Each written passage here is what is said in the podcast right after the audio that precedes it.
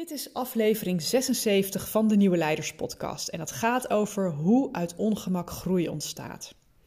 Een paar weken geleden ontstond naar aanleiding van uh, aflevering 62, die ging over onzekerheid, spontaan een mailcorrespondentie met Wendy Nieuwland. Zij is auteur van het boek Veranderen 3.0, dat schreef ze samen met Maaike Nooit Gedacht. En haar bericht bevatte zoveel mooie inzichten en het aanbod uh, om nog wat nader van gedachten te wisselen, dat ik de stoute schoenen aantrok uh, en dat ik uh, aangaf van, goh, ik wil heel graag met je nader in gesprek, maar mag ik daar dan ook een aflevering van opnemen? Um, we hadden vooraf geen enkele agenda, we hadden ook geen centraal thema afgesproken. Het was de allereerste keer dat we elkaar spraken, maar al pratende ontstond er een hele mooie rode draad wat mij betreft. En dat ging over het aangaan van ongemak.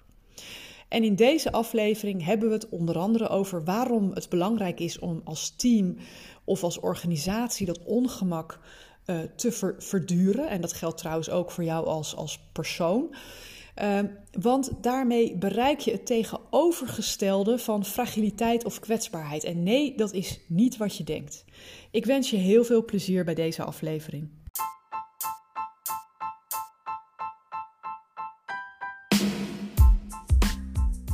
Nieuwe tijden vragen om nieuw leiderschap. Mijn naam is Petra Kuipers en vanaf deze plek neem ik je mee op onderzoek naar hoe we nieuwe vormen van leiderschap kunnen ontwikkelen in organisaties, in teams en, niet in de laatste plaats, bij onszelf.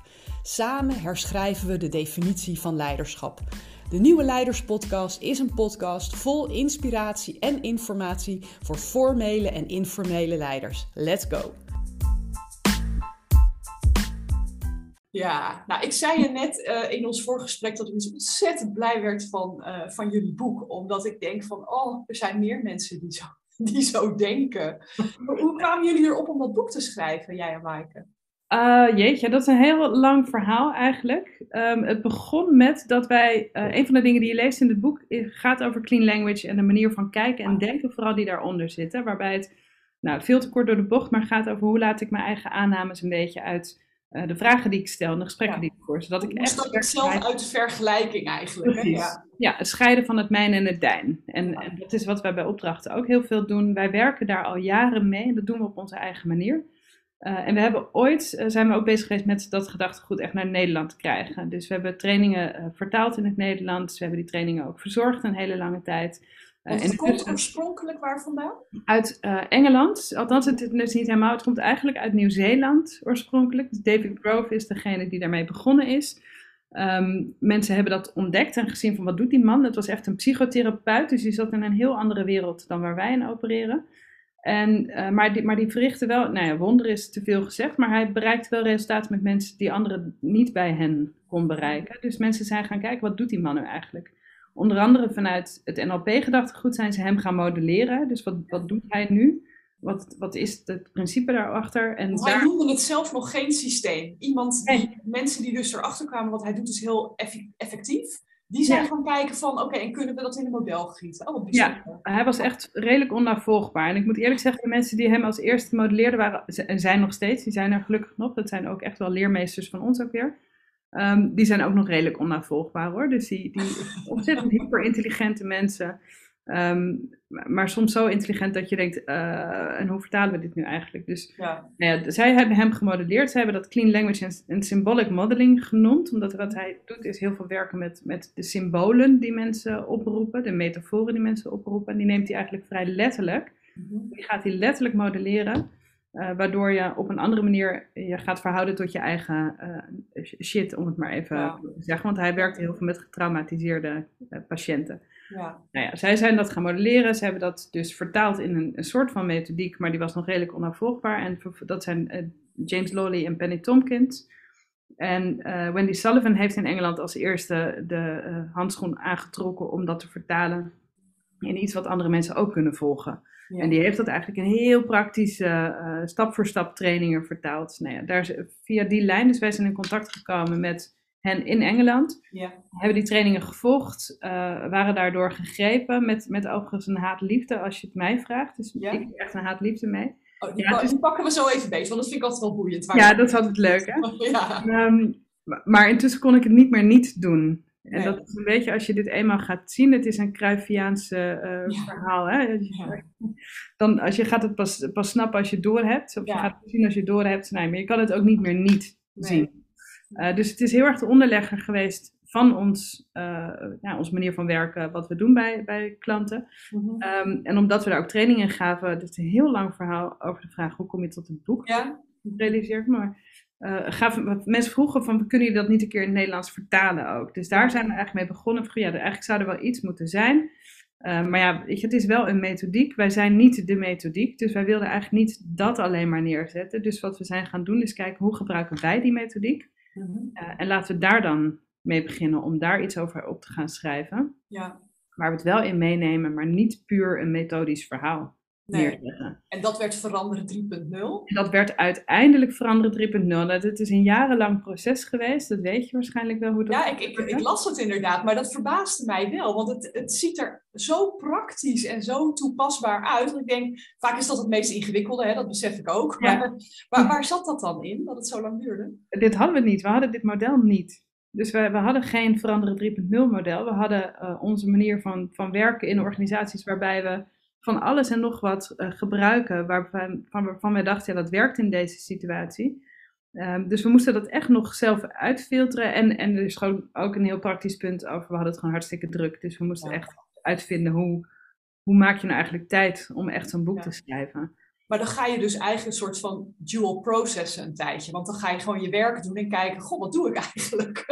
en dat dan nog hè, met, met Maaike neem ik aan ook tegen elkaar aan gaan houden. Van doen we nou hetzelfde of niet? Absoluut. absoluut. Ja.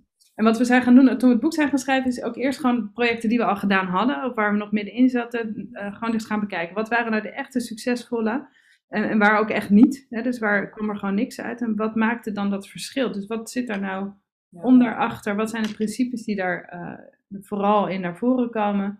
Um, en nou ja, uiteindelijk hadden we een enorme wand natuurlijk, zoals je dat voor kan stellen. Ja. Met ja, kan niet zien, maar ik heb hem hier ook inderdaad. Wat ja. Beën, ja. Precies, ja. Dus toen zijn we eigenlijk gaan schrappen van, maar wat, deed en, wat maakt nou echt het verschil? Dus als we het niet hadden gedaan, had dat nooit dat resultaat opgeleverd. En daar zijn die zeven principes uitgekomen.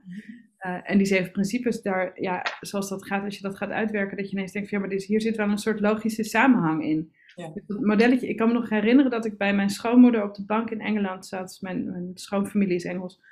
En uh, uh, dat met rond de kerst zo bij elkaar zat, dacht ik ineens, verrek, zo hangt het samen. Ja, ja, ja. ja. Het model is, is het gevolg van het proces van het schrijven van het boek. En toen we dat eenmaal hadden, was het natuurlijk uh, veel meer een invuloefening. Ja. Hoewel dan nog steeds, wat jij net zegt, dat je nog steeds denkt, ja, dit, dit bedenken we nu wel, maar is het ook echt zo? Ja. Uh, en we gingen voor het eerst inderdaad echt door dat model heen naar ons werk dagelijks kijken. Dat deden we daarvoor ook niet. Dus het is nog wel een en ander in uh, gewijzigd, aangescherpt, ja. bijgesteld.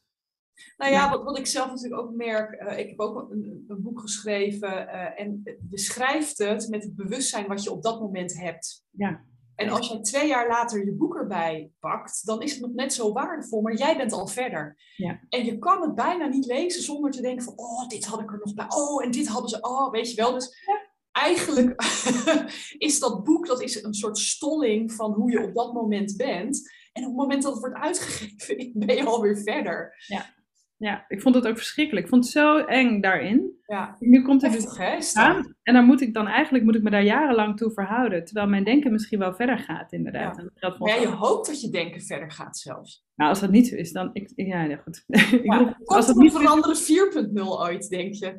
Nou, ik hoop dat het dan heel anders gaat heten. Eerlijk. Ja, oké, maar gewoon qua concept? Dat we, nou, ik, ik hoop ergens nog wel dat we, uh, dat we nog weer andere inzichten krijgen, waardoor we inderdaad denken, hé hey, maar er moet iets echt op zijn kop. Of misschien leggen we dit wel terzijde ja. en zetten we iets anders centraal. En dan, weet je, ik denk niet dat het helemaal weggaat. Nee. Ooit dacht ik inderdaad wel, dit, dit mag af, hè, over tien jaar mag het achterhaald zijn. Volgens mij schrijven we dat zelfs niet. Ja, erin, ja.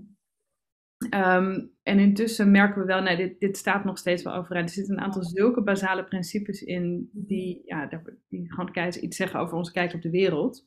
Ja. En je weet het nooit. Het zou wel leuk zijn als er iets heel anders kwam. Uh, maar denk je niet, hè, met wat er nu allemaal gebeurt in de samenleving, in, gewoon mondiaal, maar ook uh, dicht in de buurt in organisaties, dat dat bewustzijn wat nu aan het ontstaan is, dat dat ook invloed gaat hebben op ja, hoe wij omgaan met veranderen? Ik hoop het. Zo ongelooflijk. Ja, wat zou je willen? Ja, ik, ho ja, ik hoop het heel erg. Ja, dit, dit, mijn, mijn positieve uh, kant, mijn idealist in mij, die, die ziet hier echt waanzinnige kansen in. Mhm. Ik ben daarna de eerste, eerste terugval na corona wel een klein beetje voorzichtig in geworden. nou ja, er is iets aan het gebeuren. Ja. Volgens mij kunnen we daar niet meer omheen. Er is, het, het, het, feit dat het nu ook zo polariseert, dat is vaak ook een beweging in, in een ontwikkeling natuurlijk weer. Ja. Um, maar ja, ik, ik hoop inderdaad wel dat we vooral ook van dat maakbaarheidsdenken een klein beetje af durven te gaan stappen. Ja. Dat is hartstikke eng. En, en, de hele crisis wordt nu natuurlijk ook wel weer redelijk uh, vanuit controle en, en maakbaarheid aangestuurd. Of, of heel extreem de andere kant op. Ja, ja ik, ik heb het idee, hè, als ik echt heel ver uitzoom, dat we een soort balans aan het uitvinden zijn tussen het extreem doorgeschoten masculine principe, hè, dus echt het rationele, het daadkrachtige, hè, dat, naar een meer feminien principe. En niet dat we daar helemaal naartoe door moeten schieten, maar dat we wat meer in het midden moeten uitkomen. Ja. Maar ja, daar is gewoon chaos voor nodig, denk ik. Het is niet prettig, het is zelfs buitengewoon onaangenaam om hier te zijn. Ja. Maar ik probeer het wel heel erg te blijven zien als het is nodig om het nieuwe te ja, geboren te laten worden. Ja. Een soort ja. barensnood waar we in zitten. Ja. ja. ja. nou, soms voelt hij wel bijna zo pijnlijk ook, inderdaad. Ja, ja. ja. Dus, kijk naar, naar hè, het maatschappelijk is natuurlijk heel erg groot, inderdaad. En uh, als ik kijk naar organisaties, dan zie ik daar wel beweging in ontstaan. Dus, en wat zie je voor, voor uh, tendensen daarin? Nou, ik zie wel dat uh, de, het besef dat, dat dingen niet zo maakbaar zijn als je misschien wel zou willen, dat dat groter is dan toen ik begon in ieder geval. Dus toen ik als groentje vanuit Ordina destijds nog binnenkwam bij klanten, heb ik, ik heb echt rapporten mogen overschrijven bijna. Omdat ze zeiden, ja, dit is eigenlijk wat we willen, maar het is nu niet gelukt, dus kunnen we het nog een keer doen en dan op een manier dat het wel lukt. Ja. Nemen we mensen een beetje meer mee in dat proces. Maar het was wel al voor ingezet wat er, wat er moest komen. Uh, en misschien is het ook een beetje omdat wij de klanten krijgen die we, hè, waar we natuurlijk op, op, inzetten, eigenlijk ook lang leven zo'n boek hebben, waardoor mensen al een beetje weten waarvoor moeten ze wel niet bij je zijn. Dus ik, kan niet zeggen, ik kan, ik kan, niet stellen dat dat zo is, maar wij krijgen in ieder geval meer klanten die wel degelijk zien van ja, het, je moet dat ook een beetje loslaten. En je moet daar ook meer met elkaar die dialoog over aangaan. En die dialoog is ook zinvol. Ja, het is, het is meer co-creatie dan dat je naar een heel specifiek punt toe werkt. Hè? Het heeft vaak heel erg te maken met wat wil er onderweg gebeuren? Wat, wat komen we tegen? Wat... Ja.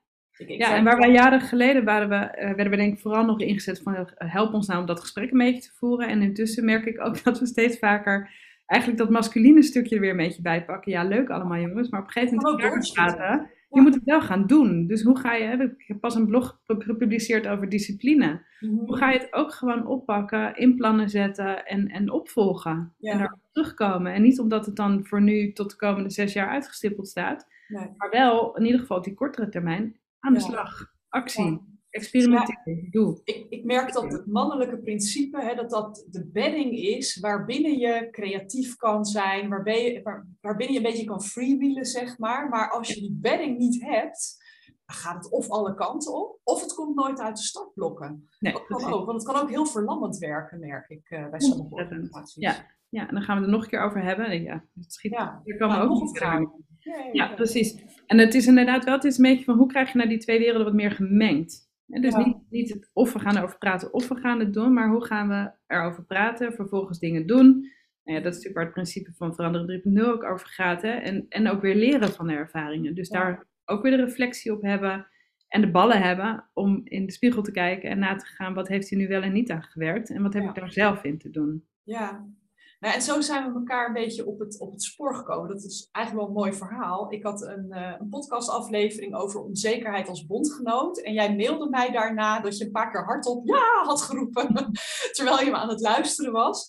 En zo ontspond zich eigenlijk een hele leuke correspondentie waarin je een paar dingen zei dat ik, oeh, ik wil daar eens met jou dieper over, over doorpraten. En jij gaf zelf ook al aan van, nou ja, als je een keer van gedachten wil wisselen, dan, uh, dan doe het. Toen zei ik, nou mag ik er een podcast van over opnemen? Die vond je een beetje spannend. Maar uh, nou ja, wel over ballen gesproken, gezegd van, nou, gaan we gewoon doen. En um, wat mij heel erg aansprak in, jou, uh, in jouw mail, was dat je heel erg ook had over, je moet niet die, um, die structuur heel erg centraal zetten, maar je moet een soort van je moet niet, het gaat niet over robuustheid of over stevigheid. Het gaat over ja, bijna recuperatie. Of ja, het is niet helemaal het goede woord, maar eh, kan, je daar eens wat, over, over teruggeven? Ja, en, en misschien wel meer nog dan recuperatie. Want recuperatie zou nog suggereren dat je terugkomt op je oude staat. Hè? Uh, en waar ik aan refereerde inderdaad ook in mijn reactie naar jou toen, is um, ik ben heel erg gegrepen door het werk van Nassim Nicholas Taleb. Mm en die heeft in zijn laatste, in het ene laatste boek intussen, over antifragiliteit geschreven. En hij zegt, in feite, je hebt, je hebt, uh, als je mensen vraagt wat is tegenovergestelde van fragiliteit of kwetsbaarheid, en dan, dan komen we heel vaak met stevig en robuust en, en sterk. Breekbaar, ja. Ja, precies. En het is wel grappig als je nu, we hebben het net over uh, feminiteit en, en masculiniteit, masculiniteit, kom er niet meer uit, mannelijkheid en vrouwelijkheid, dan, dan zijn dat bijna die tegengestelde. En hij zegt eigenlijk is dat helemaal niet het tegenovergestelde. Het tegenovergestelde van fragiliteit is een antifragiliteit. En wat hij daarmee bedoelt is ehm, dat, nou ja, ik maak altijd de vergelijking maar met theekopjes of, of een glas. Wat je laat vallen als dat kapot gaat, dan, dan was dat dus in die omstandigheden was dat fragiel, kwetsbaar, dat ging kapot.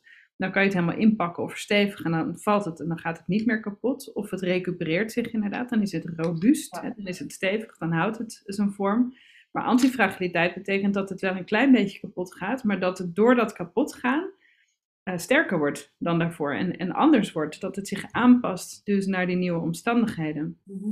Ehm, en je hebt dus dat soort uh, stukken van fragiliteit, van kwetsbaarheid, van stressoren, van, van dingen die het onder druk zetten, die het even ter discussie stellen, die heb je knetterhard nodig om daar weer beter uit te komen. Ja. En het, het mooiste voorbeeld daarvan is gewoon ons eigen immuunsysteem. Hè? Dus nu staat dat wel redelijk ter discussie natuurlijk, maar als je opgroeit, heb je gewoon bacteriën nodig om afweer tegen bacteriën op te bouwen. Ja. Of als je sport en je spieren willen zich ontwikkelen, dan maak je kleine scheurtjes in je spieren, die vullen zich met melkzuur en daardoor worden je spieren sterker, ontwikkelen ze zich. Ja. dus op die manier nee, heb, je dat, heb je dat nodig, die variëteit, om sterker te worden. En dat, daar zit dus inderdaad, ja, daar zit een soort, um, dat gaat, gaat voorbij stevigheid, dat gaat voorbij...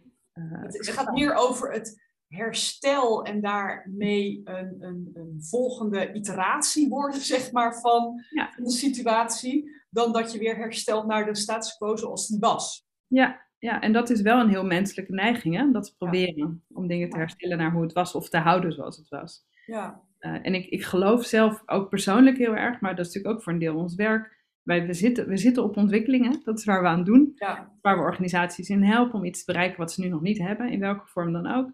Uh, en daarvoor moet je twee dingen doen. Dus aan de ene kant moet je het een klein beetje kapot maken. Ja.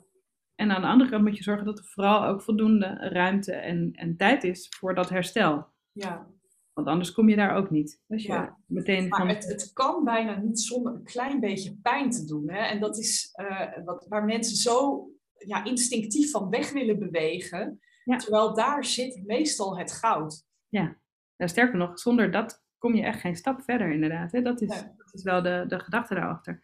En pijn kan ook ongemak zijn. Hè? Dus wat jij net zegt, we zitten nu in een ontzettend ongemakkelijke periode ja, dat, dat is inderdaad wel wat we nodig hebben om dan weer echt verder te komen. Als we hem aangaan. Als we hem niet proberen te vermijden en mhm. op te lossen. Wat, wat denk je dat wij te doen hebben als, als collectief, maar ook als organisaties, om deze ja, toch wel ongemakkelijke situatie, om, die, om, om daarmee te zijn? Ja. ja, misschien een klein beetje vertrouwen ook wel, ergens. Um, ik, het, als je hem beantwoordt vanuit maatschappelijk, vind ik hem heel anders weer dan, of niet anders, maar het is zo groot dat ik dan bijna in een soort, ja, ook wel een beetje nederigheid kom. Ik denk, ja, als ik daar het antwoord op had, zou dat mooi zijn. Uh, maar over het algemeen gaat het wel over het, ook, misschien ook wel het besef dat we inderdaad, dat we, dat we er beter van kunnen worden, er sterker van kunnen worden, op het moment dat we dat aangaan. En dat het wel betekent dat het hebben van ongemak, het niet onder controle hebben van dingen, dat dat iets is waar we ook mee te zijn hebben. Ja, er zijn altijd twee termen die me de afgelopen maanden al, al ja. bezighouden. En dat is aan de ene kant vertrouwen en aan de andere kant overgave. Ja. En ik merkte ook bij mezelf trouwens hoor, want ik, het is voor mij ook een dagelijkse oefening om dat te blijven doen, maar de neiging om continu er tegen te willen vechten. Maar de stroom kan je niet tegenhouden. Ik kan een dam bouwen, ik kan van alles doen om te proberen om die stroom tegen te houden en het weer terug te duwen naar waar het was.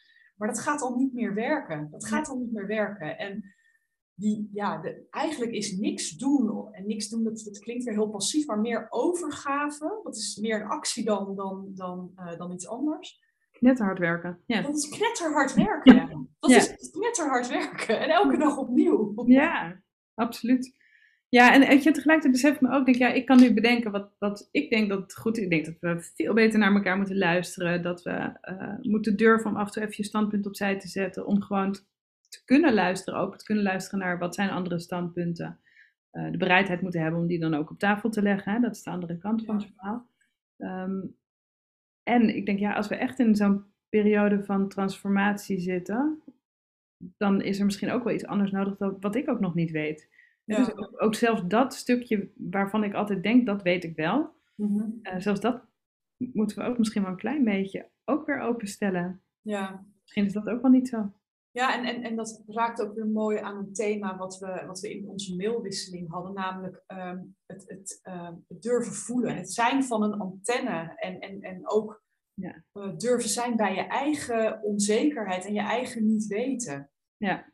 Jij gaf daar heel mooi over aan van, ja, weet je, in, in organisaties is dat misschien wel mijn kracht. Hè? Dat door die onzekerheid stel ik me eigenlijk open voor wat daar wil gebeuren. Maar dit, waar we nu in zitten, dat raakt natuurlijk ook heel erg aan jezelf als, als mens, als persoon. Welke keuzes je maakt, hoe je daarin staat, waar je wel of niet een, een dialoog over aangaat of een discussie over aangaat. Ja, ja absoluut. Zijn dat voor jou twee verschillende, sta je daar verschillend in? Of hoe je dat professioneel doet en, en hoe je die onzekerheid als privépersoon Nee, ik, ik, vrees, ja, een klein beetje wel, want als, als professional heb ik ook iets te doen. Hè? Dus daar, leg ik mezelf een soort lat ook op van dit heb ik hier neer te zetten. Ehm, en, en wat ik inderdaad aangaf, de onzekerheid, dat is het stukje van het eh, antifragiliteit. Hè? Dus ja. je hebt een stukje onzekerheid nodig om eigenlijk daarvoor open te blijven staan. Maar het moet voldoende wel gestoeld zijn op een andere zekerheid. Van, in ieder geval vertrouwen in het proces of een vertrouwen in dat hier komt dan een antwoord op om dat uh, een plek te kunnen geven. Maar daar heb, ik, daar, daar heb ik iets te doen en daar heb ik ook gecontracteerd dat ik iets te doen heb. Ja. Als privépersoon vind ik ook dat ik iets te doen heb, maar ik weet niet zo goed wat. Dus dat is niet zo'n duidelijk omschreven opdracht, helaas, die ik ergens heb meegekregen. Van dit, is, dit is jouw rol, vind daar maar een weg in. Ja. En dat, um, nou, dat, dat maakt wel dat, dat dat soms wat meer kan blijven zweven ook. Dus dat, dat het er wel Misschien zitten we daar wel weer meer in dat vrouwelijke principe, hè? in die yin, omdat we niet echt een, een yang ja, contract hebben. Van, nou ja. weet je, op 1 juli 2022, maar dan is het ook echt over. Weet je wel, ja. hier tegen dan klaar. Zo, dat zou lekker zijn. Dat zou heel lekker zijn. Er wordt ook heel hard om geroepen overal. Hè? Het is alle, alle vragen naar elke persconferentie gaan altijd over, uh, uh, aan de ene kant, geef ons nou een beetje zekerheid, en aan de andere kant is die maakbaarheid. Ja. Ik, ik moet er altijd heel hard om lachen ja, als ze dat hadden, dan, dan zouden we dat allemaal wel willen. Ja. En aan de andere kant ook, zodra de zekerheid wordt gegeven, ehm, de vraag om, maar dat kan toch helemaal niet? Je kan toch helemaal geen zekerheid geven? Nee. Ja, daar, daar hebben we inderdaad, ehm, ik weet niet meer goed hoe ik hier nou kwam. ik ben een beetje mijn eigen draad kwijt nu. Ja. Nee, maar ik denk als metafoor dat die wel heel mooi is, want wat je zelf nu ervaart vanuit onzekerheid en waar gaat dit heen en wat betekent dat voor mij? Dat stelt je als professional in een organisatie weer beter in staat om mensen te helpen om die onzekerheid te gaan verdragen. Want misschien is dat het wel. Ja, dat zeker. En daar geloof ik echt heilig in, in het belang van, van zelf ook steeds weer ondergaan, om het maar even zo te noemen wat we, wat we onze klanten tussen aanhalingstekens aandoen. Um, het is geen reclamepraatje op deze manier, hè? Nee, nee, nee, maar daar ben ik heel slecht in, dus dat komt eruit. ja, en ook wel, want ik, weet je, die congruentie, het, je bent je eigen instrument, dus daarin zeg ik ja en nee. Dus ik heb iets anders te doen, maar ik ben wie ik ben en Mike is wie zij is en Marjoke is wie zij is. Dus wie wij zijn brengen we altijd in. En daarmee ook al onze manieren van omgaan met die onzekerheid, met eh, zorg, met angst, maar ook met onze wens om dingen voor elkaar te krijgen. Uh, En wel echt een bijdrage te leveren. Ik denk dat dat ons heel erg verbindt. Als ik jou zo hoor, is dat ook heel erg waar jij ook op inzet. Hè? Ja. Is hoe zorg je dat je wel echt een bijdrage levert? Ik vind het niet zo dodelijk als leuke dingen doen bij klanten waarvan je het idee hebt, ja leuk, maar ja. Nee, het, het dagje uitfaciliteren, dat, uh, daar ben ik al jaren geleden mee, uh, mee gestopt. Dat vind ik kan zo ik de hand schudden. ja. ja, ja, ja. Ja, dat is hartstikke leuk is een andere vorm. En dat kan heel nuttig zijn. Hè? Dus ik zeg niet dat het nooit nuttig kan zijn, maar ik vind dat, nee, ik vind dat niet gericht genoeg. Dus dat is misschien ook wel, uh, wat we net zeiden, mijn, mijn grote zoektocht persoonlijk nu, is, is dat die richting. Ik weet niet zo goed waar, waar mijn bijdrage maatschappelijk ligt. Denk je dat dat nu ook aan het veranderen is, door alles wat er in beweging is? Want je had hem eerst wel en je bent nu weer aan het zoeken. Dus kennelijk zit je zelf ook in een soort overgangsfase. Ja, ik weet ik niet zo heel goed of dat nou echt heel erg verandert. Um, hardop denkend. Ik ben wel, weet je, dat, dat, dat hele uh, principe van antifragiliteit en het aangaan van ongemak, dat is wel een soort levens, uh, uh, nou, doel wat ik wel in, in steeds meeneem in van alles en nog wat. Is, is... Maar je noemde jezelf in het voorgesprek al een beetje masochist, hè? Dat je elke ja, keer... ja, precies, zelf ook. Dus ik doe, ik doe dat ook, ik pas ook echt op mezelf toe. Dus als ik iets vind, dan vind ik ook dat ik daar dingen in moet doen. En dat, dat verandert niet. Dus als ik um, vind dat we iets, nou dat klimaatverandering echt een heel groot probleem is, dan heb ik daar ook mijn bijdrage in te leveren. Dus moet ik ook kritisch naar mezelf kijken, naar mijn eigen handen. Dan hoef niet helemaal extreem in door te schieten. Ehm, maar uh, nou ja, het, feit dat ik ben ooit op dit pad gekomen omdat ik bedacht, ik vind het belachelijk dat we de thermostaat zo hoog zetten. Hè. Dat daar, zat, daar zat in eerste instantie een idee achter van uh, dit, dit moet toch eigenlijk niet nodig zijn. Dit is ook weer mijn kleine bijdrage aan zo'n heel grote klimaatvraag. Het is natuurlijk echt zo'n heel klein stukje, maar toch. Ja. Um, maar zag ik ook, ja, en dat gaat ook over mijn eigen ongemak aangaan. Want mijn, mijn gemak is gewoon lekker warm zijn en mijn straalkacheltje. en niet alleen maar mijn dekentjes, maar vooral elke keer een beetje warmer krijgen. Maar blijkbaar kan ik dat zelf niet meer. Dus daar, weet je, dat, dat, dat is wel wat mij op dat vlak heel erg drijft, is dat ik echt wel zie dat we onszelf ook een beetje verzwakken als we dat steeds maar zo gemakkelijk maken aan alle kanten. En daar heb ik zelf dus ook iets in te doen. Dus dan ga ik inderdaad zelf uh, ook experimenten aan als uh, koud douchen of midden in de winter. En de Echt waar? Held! Uiteindelijk wordt het dan ook weer heel lekker. Een beetje sadomasochisme vindt dat dan uit. Ja, inderdaad. Ja, inderdaad. nou ja, ik, ik heb vorig jaar heel stoer aan het eind van de winter tegen een vriendin geroepen dat we volgend jaar zouden gaan winterzwemmen. Want we wonen vlakbij zee. Maar uh, de eerste afspraak moet nog gemaakt worden. Doen, gewoon doen. ja. Als je dan nog een beetje kan rennen daarvoor en achter is het des te lekkerder. Dan hou je ja, ja, nou ja ik, ik, ik, heb daar nog wel een drempel uh, te overwegen. Gaan we een andere keer, ga ik je daar nog wel even meenemen. Dat was goed, maar geef me heel even de tijd om mijn mindset om te zetten. hey, en um, uh, een van de dingen die we in, ons, um, uh, in onze mailconversatie ook hadden, die ging over het, het zijn van een antenne, hè, bijna het ontladen van wat er in een groep speelt. Ja. In hoeverre is voor jou het voelen wat er in een groep speelt, ja, hoe, hoe doe je dat? Hoe, hoe kom je daar nou achter? Ja, ja um, dat is een hartstikke ingewikkelde vraag. Mhm. Dus hoe, eh, hoe doe je dat? Volgens mij zijn er twee dingen heel erg belangrijk daarin. Dat zeg ik heel vaak en dan ga ik praten en dan worden het er zes. Maar, ja, nee, maar dat is um, goed. het gaat altijd ergens heen. In eerste instantie zijn het heel vaak twee bij mij. Dat is dan een van mijn patronen. Dat is ook meteen wat je volgens mij heel erg te doen hebt, is, is jezelf ontzettend goed kennen. Mhm. Je eigen patronen kennen, die ter discussie blijven stellen. Dus mensen om je heen organiseren die, die mij reflecteren op op wat is van mij, wat zijn mijn patronen. Want om het te kunnen scheiden, het mijne en het dijn, zal ik goed moeten weten wat dan van mij is. Daarbij helpt het ook overigens dat we uh, vaak met twee mensen optrekken in opdrachten. Okay. Ofwel op de voorgrond ofwel op de achtergrond. Maar we zorgen altijd dat er iemand is die uh, af en toe even kan roepen, joehoe, dat, dat, roep je nou wel, maar dat zeg jij heel vaak. Dus in hoeverre is dat van hen of van het systeem. Um, en het tweede is, is uh, om bij alles wat je doet met één voet erin en één voet eruit te staan. Maar dat kan dus alleen maar als je weet welke voet eruit is. Hè? Dus als je weet wat van jou is. Daar is het eerste randvoorwaardelijk voor. Anders heb je het niet eens door waar je staat. Ja. precies, heb je geen idee of je er... En, en waarschijnlijk sta je er dan gewoon uh, met twee voeten uh, gewoon lekker in je eigen zooi te staan. Ja. Maar je moet dat kunnen filteren. Uh, en, en dan is het, ja, ik, ik zou niet zo goed weten hoe ik het doe, want het is iets wat ik nooit niet heb kunnen doen. Hè? Dus het openstaan voor wat gebeurt er nu eigenlijk in zo'n groep. Het voelen, het meevoelen en het wat je wel kan trainen is de opmerkzaamheid daarop. Dus wat gebeurt er nu bij mij wat anders is dan wat ik van mezelf gewend ben? Ja. Wat niet past bij hoe ik per se ben, maar wat, nou ja, wat me nu opvalt. Wat springt eruit? Of uh, als ik zelf merk dat ik ineens heel hard ga werken. Dat, dat weet ik. Ik weet dat ik dat heel goed kan, maar ik doe het niet altijd. Dus dat maakt hierna dat ik hier heel hard ga werken. En neem jij het dan waar in je eigen gedrag? Of voel je het ergens in je lijf? Of voel je het aan de energie in een... In een hoe, hoe, werkt dat bij jou? Want ik merk dat het bij verschillende mensen anders werkt. Ja, het is wel een beetje en en en. Um, dus ik, ik ben niet degene die het als eerste in zijn lijf per se. Het gebeurt daar wel, maar ik heb dat niet als eerste door. Dus ik merk het vooral vaak inderdaad in mijn gedrag. Dat ik ineens denk: Goh, ik ga hier uh, ik ga heel hard twijfelen. Of ik, uh, ik ga juist heel hard zeggen hoe de wereld in elkaar zit. Ja. Of ik, uh, ik merk, nee, ik, ik, had een opdracht, een wat langere opdracht in een tijdje.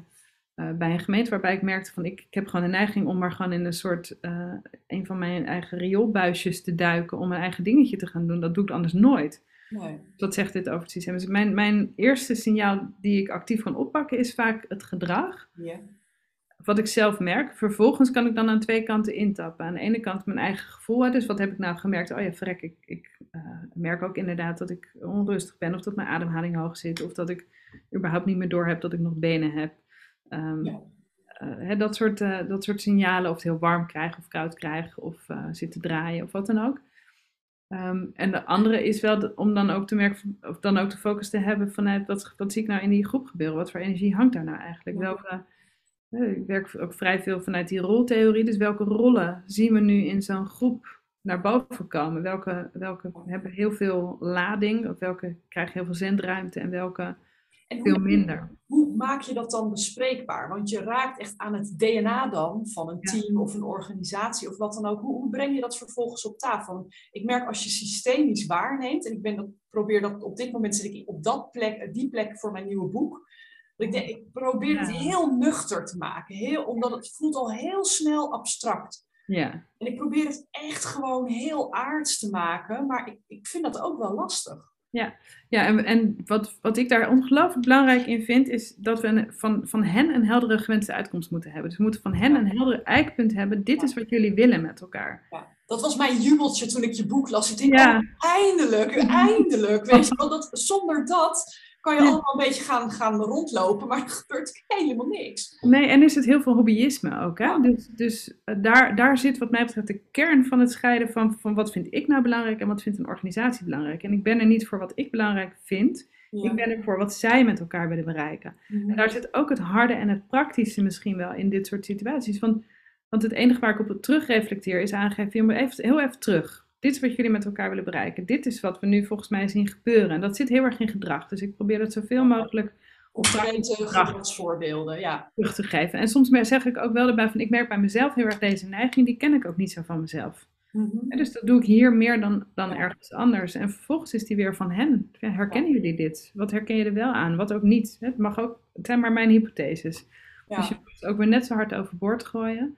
Wordt, wordt dat opgevangen? Wordt dat altijd opgevangen? Of heb je ook wel keren dat mensen uh, helemaal in ontkenning gaan? Zeker wel, ja. Die zijn er ook. Ja, dus soms wordt het heel erg ontvangen en uh, is er een hè, hè eindelijk uh, hebben we het over waar het echt over moet gaan. En die zijn er. Maar ik, ik, kan me ook nog heel goed een situatie voor de geest halen waarbij dat echt volledig in het grote vergetelvaatje of het ontkenningsvaatje ja, viel. En ik ook heel hard overtuigd werd overigens van mijn gelijk. Dus het was een prachtig voorbeeld van waar ik in mijn knetterhard in mijn eigen valkuilen stapte. Ja, ja, ja, ja. ja. Um, en, en dan is altijd de vraag, en die blijft wat mij betreft, blijft dat een vraag en die hoeft ook niet beantwoord te worden op dat moment. Is het, is het nu omdat zij er niet aan toe zijn? Hè? Dat vind ik de grootste dooddoener van heel veel, ja. consultants tegelijkertijd. Het, het komt voor.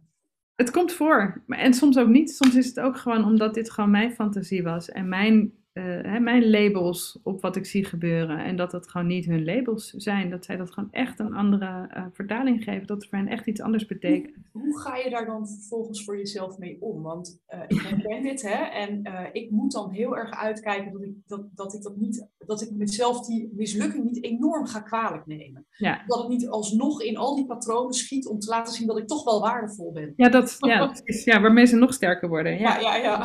ja. huilen in een hoekje. Ja.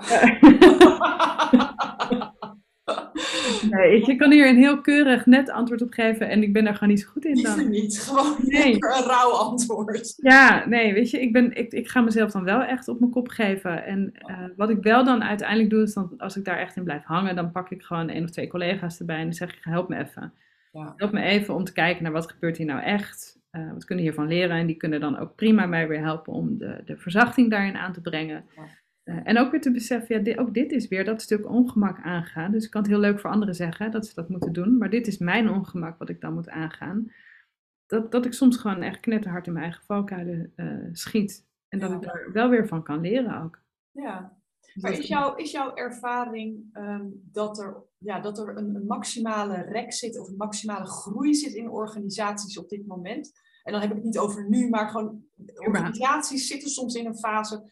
Hè, we zeiden net van ja, het is een beetje flauw om te zeggen, ze zijn er nog niet aan toe, maar het komt wel voor. Uh, heb jij het idee dat dat soms zo is?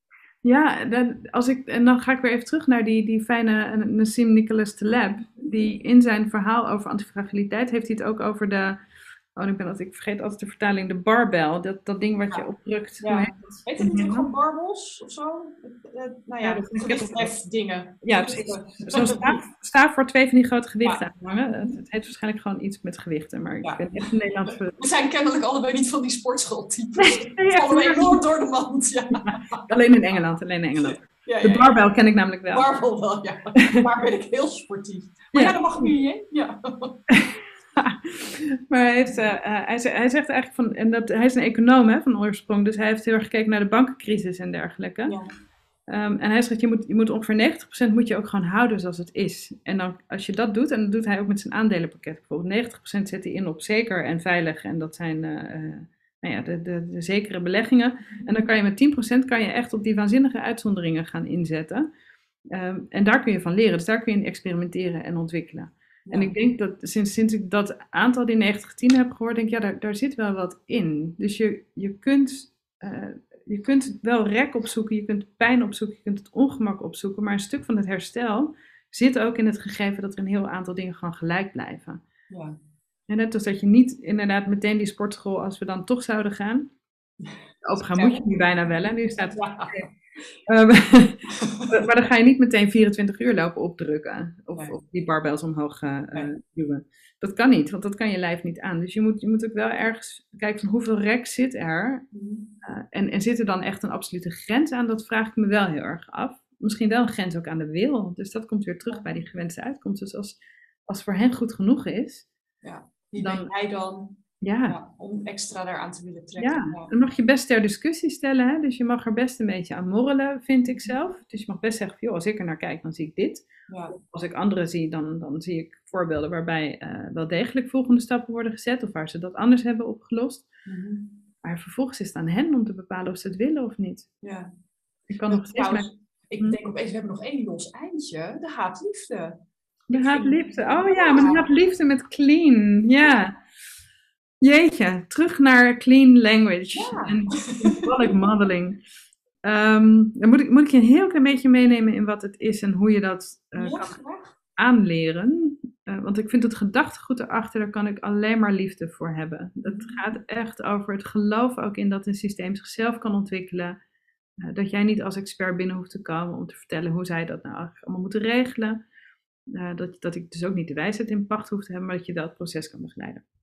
En dat proces begeleiden in clean language gaat door, door uh, echt de realiteit van een ander te gaan modelleren. Dat is allemaal heel technisch. Maar feitelijk betekent dat dat je vragen stelt die vaak gaan, uh, als je heel zuiver de methodiek volgt, over het, echt het uitnodigen van metaforen. En vervolgens in het metaforisch landschap, zoals het dan wordt genoemd, uh, gaan ontwikkelen. Dus je gaat alle dingen die benoemd worden als symbolen die daarin naar voren komen, die ga je, daar ga je op doorvragen. En dat doe je door heel strikt de woorden van een ander te volgen en daar maar een heel beperkte set vragen tegen aan te leggen. dus je zit niks van jezelf in, je werkt puur met dat van de ander. Bijna. In ieder geval zoveel als dat nu. Dat is wel de intentie. Helemaal bestaat niet, hè? want zodra je iets teruggeeft en een ander stukje niet, ben je aan het sturen. Ja. Dat waar je je vragen over stelt, ben je aan het sturen. Uh, en zo, de vragen zijn nooit helemaal 100% clean, maar het zijn, het zijn wel vragen als, en wat voor puntje puntje is die puntje puntje? En dat gaat dan alleen maar over ja-woorden. Dus als jij het hebt gehad over een bal, dan vraag ik je aan wat voor bal is die bal? En is er nog iets over die bal? En waar is die bal? Maar ik kan nog ook zes keer vragen en is er nog iets over die bal? Ja. Nog iets over die bal? Dat mensen je echt zo ongelooflijk zat zijn. Ja. ja, en mensen zijn je niet zat als het over hun eigen uh, spul gaat. Zeker niet omdat we primair die vragen richten op een gewenste uitkomst en niet op problemen. Dus we gaan niet die problemen zo helemaal uitdiepen, maar we gaan eerst die gewenste uitkomst helemaal zo uitdiepen. Ja. En dan nog zijn mensen soms zat hoor. Uh, maar het is heel rigide. En soms zit je daar te praten en denk je, ja, dan zit ik vast aan zo'n setje vragen. En, en ik wil eigenlijk gewoon hierheen. Weet je, ik wil gewoon even dit vragen. Dus ik wil gewoon even vragen, en waarom zou je dat eigenlijk willen? Om er wat te noemen. Ja, ja, en wat nou als je het niet doet? Weet je, dat vind ik dat, een van mijn favoriete vragen altijd. Wat, wat als je het niet doet? Wat en wat, wat gebeurt er dan over vijf jaar? Als je dit extrapoleert en dan, ja. ja. Dus, dus, daar zit mijn haat dan ook vervolgens in. Het is, het is zo rigide dat je ook kan verdwijnen in. We zijn nu een methodiek heel erg centraal aan het stellen. Mhm. Ehm, en, en de liefde zit er tegelijkertijd weer in. Is door dat wel af en toe te doen, word ik zelf nog weer meer bewust van waar liggen mijn aannames, waar liggen mijn patronen, waar ligt mijn wens. Want dat, nou ja, ik weet nog echt goed dat ik het aan het leren was. En inderdaad zei, oh man, ik, maar ik wil gewoon even hier naar vragen. En uh, dat was ook nog over een landschap wat ik helemaal niet begreep, maar dat maakt helemaal niet uit, want je hoeft helemaal niet te begrijpen waar het over gaat. Het is echt heel bevrijdend uh, in dat opzicht. Je geeft alleen maar terug. Je vraagt het nee, door, ja. Er maar genoeg snapt, zeg maar, dan, dan kun je dat gewoon uh, doorvragen. En je ziet een beetje wat bij een ander gebeurt. Je ziet waar ze, uh, waar ze heel enthousiast over vertellen en waar, waar niet. en je vraagt af en toe nog wat relaties, waarmee je al iets meer erin legt weer. Um, maar dat iemand me vroeg van, maar waar, waarom, en waarom ben je daar dan naartoe? En ik dacht, ja, dit is, weer, dit is gewoon wel weer omdat omdat ik vanuit mijn, oh kijk mij slim zijn, denk ja, maar daar, daar ligt het goud. Daar ligt die pot met goud. Het ego ging meepraten. Ja, mijn ego ging hartstikke hard meepraten. En daar heeft het me zo ontzettend in gescherpt. In, in, ik dacht altijd dat ik dit heel erg deed. Ik dacht, het wordt echt appeltje-eitje voor mij. Ik ben heel erg goed in iemand anders echt laten praten en daarop doorvragen. Nou, ik ben daar echt uh, redelijk knetterhard mee geconfronteerd dat ik, waar ik dat allemaal nog steeds wel deed. En dat, dat doet die hele strikte set vragen. En ik vind een hele strikte set vragen vind ik stom. dat ja. herken ik, ja, dat zou ja. ik ook ja. ja. ja, zo dogmatisch, ja, daar hou ik helemaal niet van. En heb je daar nu voor jezelf, ga je dit aan, dit ongemak? Of heb je inmiddels een eigen sausje eroverheen dat je jouw gewenste vragen in die rigide set hebt opgenomen of zo? Nou, een beetje van allebei. Dus soms ga ik hem echt nog steeds aan. Ik ben hem toen heel erg aangegaan. Want ik heb, hè, we hebben hier ons natuurlijk echt heel ver in ontwikkeld. Sterker nog, ik heb de trainingen gegeven, dus dan zou je wel moeten. Ja. Ehm, dus ik ben het ongemak heel erg aangegaan. En, en door dat ongemak aan te gaan, heb ik daar ook wel een beetje mijn eigen weg in gevonden. Ja. En, en, dat betekent nu dat een deel van die vragen helemaal niet meer zo ongemakkelijk zijn als ze waren. Ik stel ze nu heel vaak zonder dat ik doorheb dat ik ze stel. Ja. Mijn, kinderen, mijn, kinderen, weten niet beter. Die zijn mee opgegroeid. Oh, wat zullen die blij met je zijn? Heel fijn vinden ze dat. Ja, ik geef ze heel veel verantwoordelijkheid. Ja, ja, dat kan dan ook, hè? ja, nee, maar dat is ook echt zo. Maar als tiener vinden ze daar dan weer iets anders van intussen. Maar um, uh, zeker toen ze klein waren, dan deden we dit echt heel veel. Dus ja, Dat, het gaat op een gegeven moment zo gewoon in je zitten. Ja. Uh, en we spelen er meer mee. dus we, we, passen het ook wel een beetje meer aan naar de settings waar wij in werken. Het is nogal anders of je in een therapeutische setting werkt of dat je met een, een team aan het werk bent of met een organisatie. Want het komt oorspronkelijk dus uit een therapeutische sessie. Ja, daar komt het echt vandaan. Uit, die setting inderdaad. En um, op zich zijn de vragen zijn niet per se therapeutisch, maar ze, zijn, ze gaan wel heel snel de diepte in. Ja. Maar ja, weet je, ik vind dat ook niet altijd aan ons om dat te doen met een organisatie. In sommige gevallen wel en in sommige gevallen ook niet. Nou ja, als, als ik me daarin verplaats, hè, en waarschijnlijk is dat ook mijn ego, maar ik denk als ik dat zou moeten doen en ik zie van alles gebeuren terwijl zo'n team op die vragen ingaat, dan zou ik dat zo niet kunnen laten liggen. Want op het moment dat een bepaalde vraag irritatie op, op, uh, wekt, of iemand geeft een antwoord en je ziet iemand anders met zijn ogen draaien, ja, dat laten gaan, oh, dat, dat lijkt me echt verschrikkelijk moeilijk. Echt verschrikkelijk. Ja, maar weet je, op die manier past we het ook echt niet. Ik zit niet in een, een team, dat vind ik ook niet, niet op zijn plek. Dus wat we wel vragen, bijvoorbeeld aan het begin van een sessie, is dat we echt wel iedereen even vragen: wat zou je willen dat er deze sessie gaat gebeuren? Ja. Dus het kader is deze sessie, dat brengen wij in. Mhm. Maar daarbinnen wil ik heel graag van jullie weten hoe jullie er nu naar kijken. Ja. Um, en daarbij kunnen we dan ook nog eventueel wel wat doorvragen daarop. Of als wij werken aan een gewenste uitkomst, die, die maken we ook vaak in termen van metaforen, dan gaan we die wel even heel letterlijk onderzoeken. Maar dan, dan zien we ook niemand eigenlijk rollen met zijn ogen. Uh, tenzij, tenzij, ze op de inhoud reageren van wat er komt. Mm die kunnen we heerlijk laten lopen, want daar komen we dan straks wel weer op. Want daar, daar ga jij op dat moment niet over, nee. Nee, en daar komen we daarna wel weer op.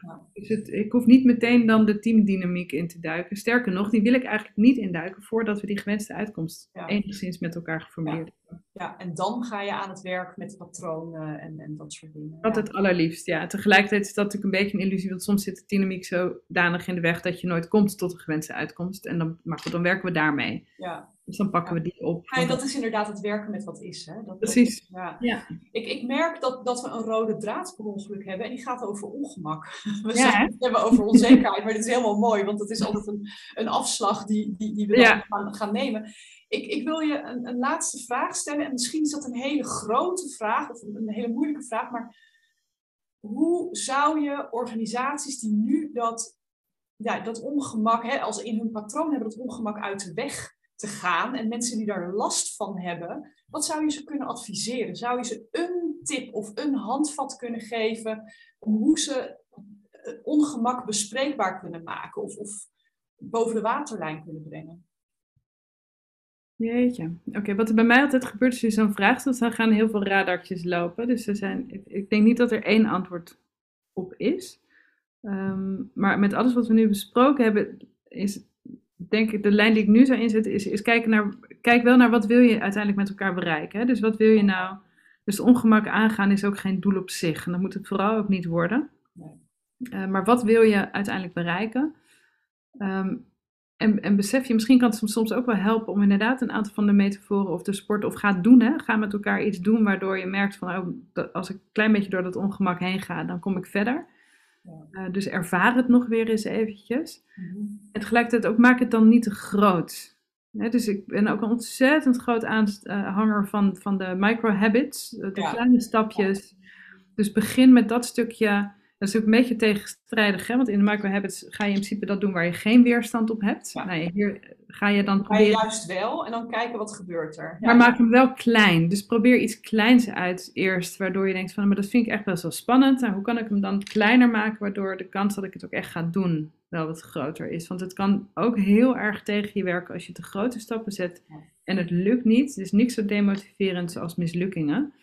Ehm, waar, je, waar je ook echt op blijft hangen. dus mislukkingen waar je verder van komt, waar je van kan leren, zijn prima. Maar te grote stappen zetten, ja, dat, dat wordt hem gewoon niet. Dus probeer hem uit, maak hem klein, uh, maar, maar ga het gewoon doen. En, en zie ook, want uiteindelijk zijn we allemaal als mensen worden we het meest gelukkig vaak van het overwinnen van wat tegenslag, hè? van wat dingen die lastig zijn. Ja, daar kom je van in flow, hè? als het eerst lastig is geweest. Uh, ja. ja. Dankjewel. Jij dankjewel.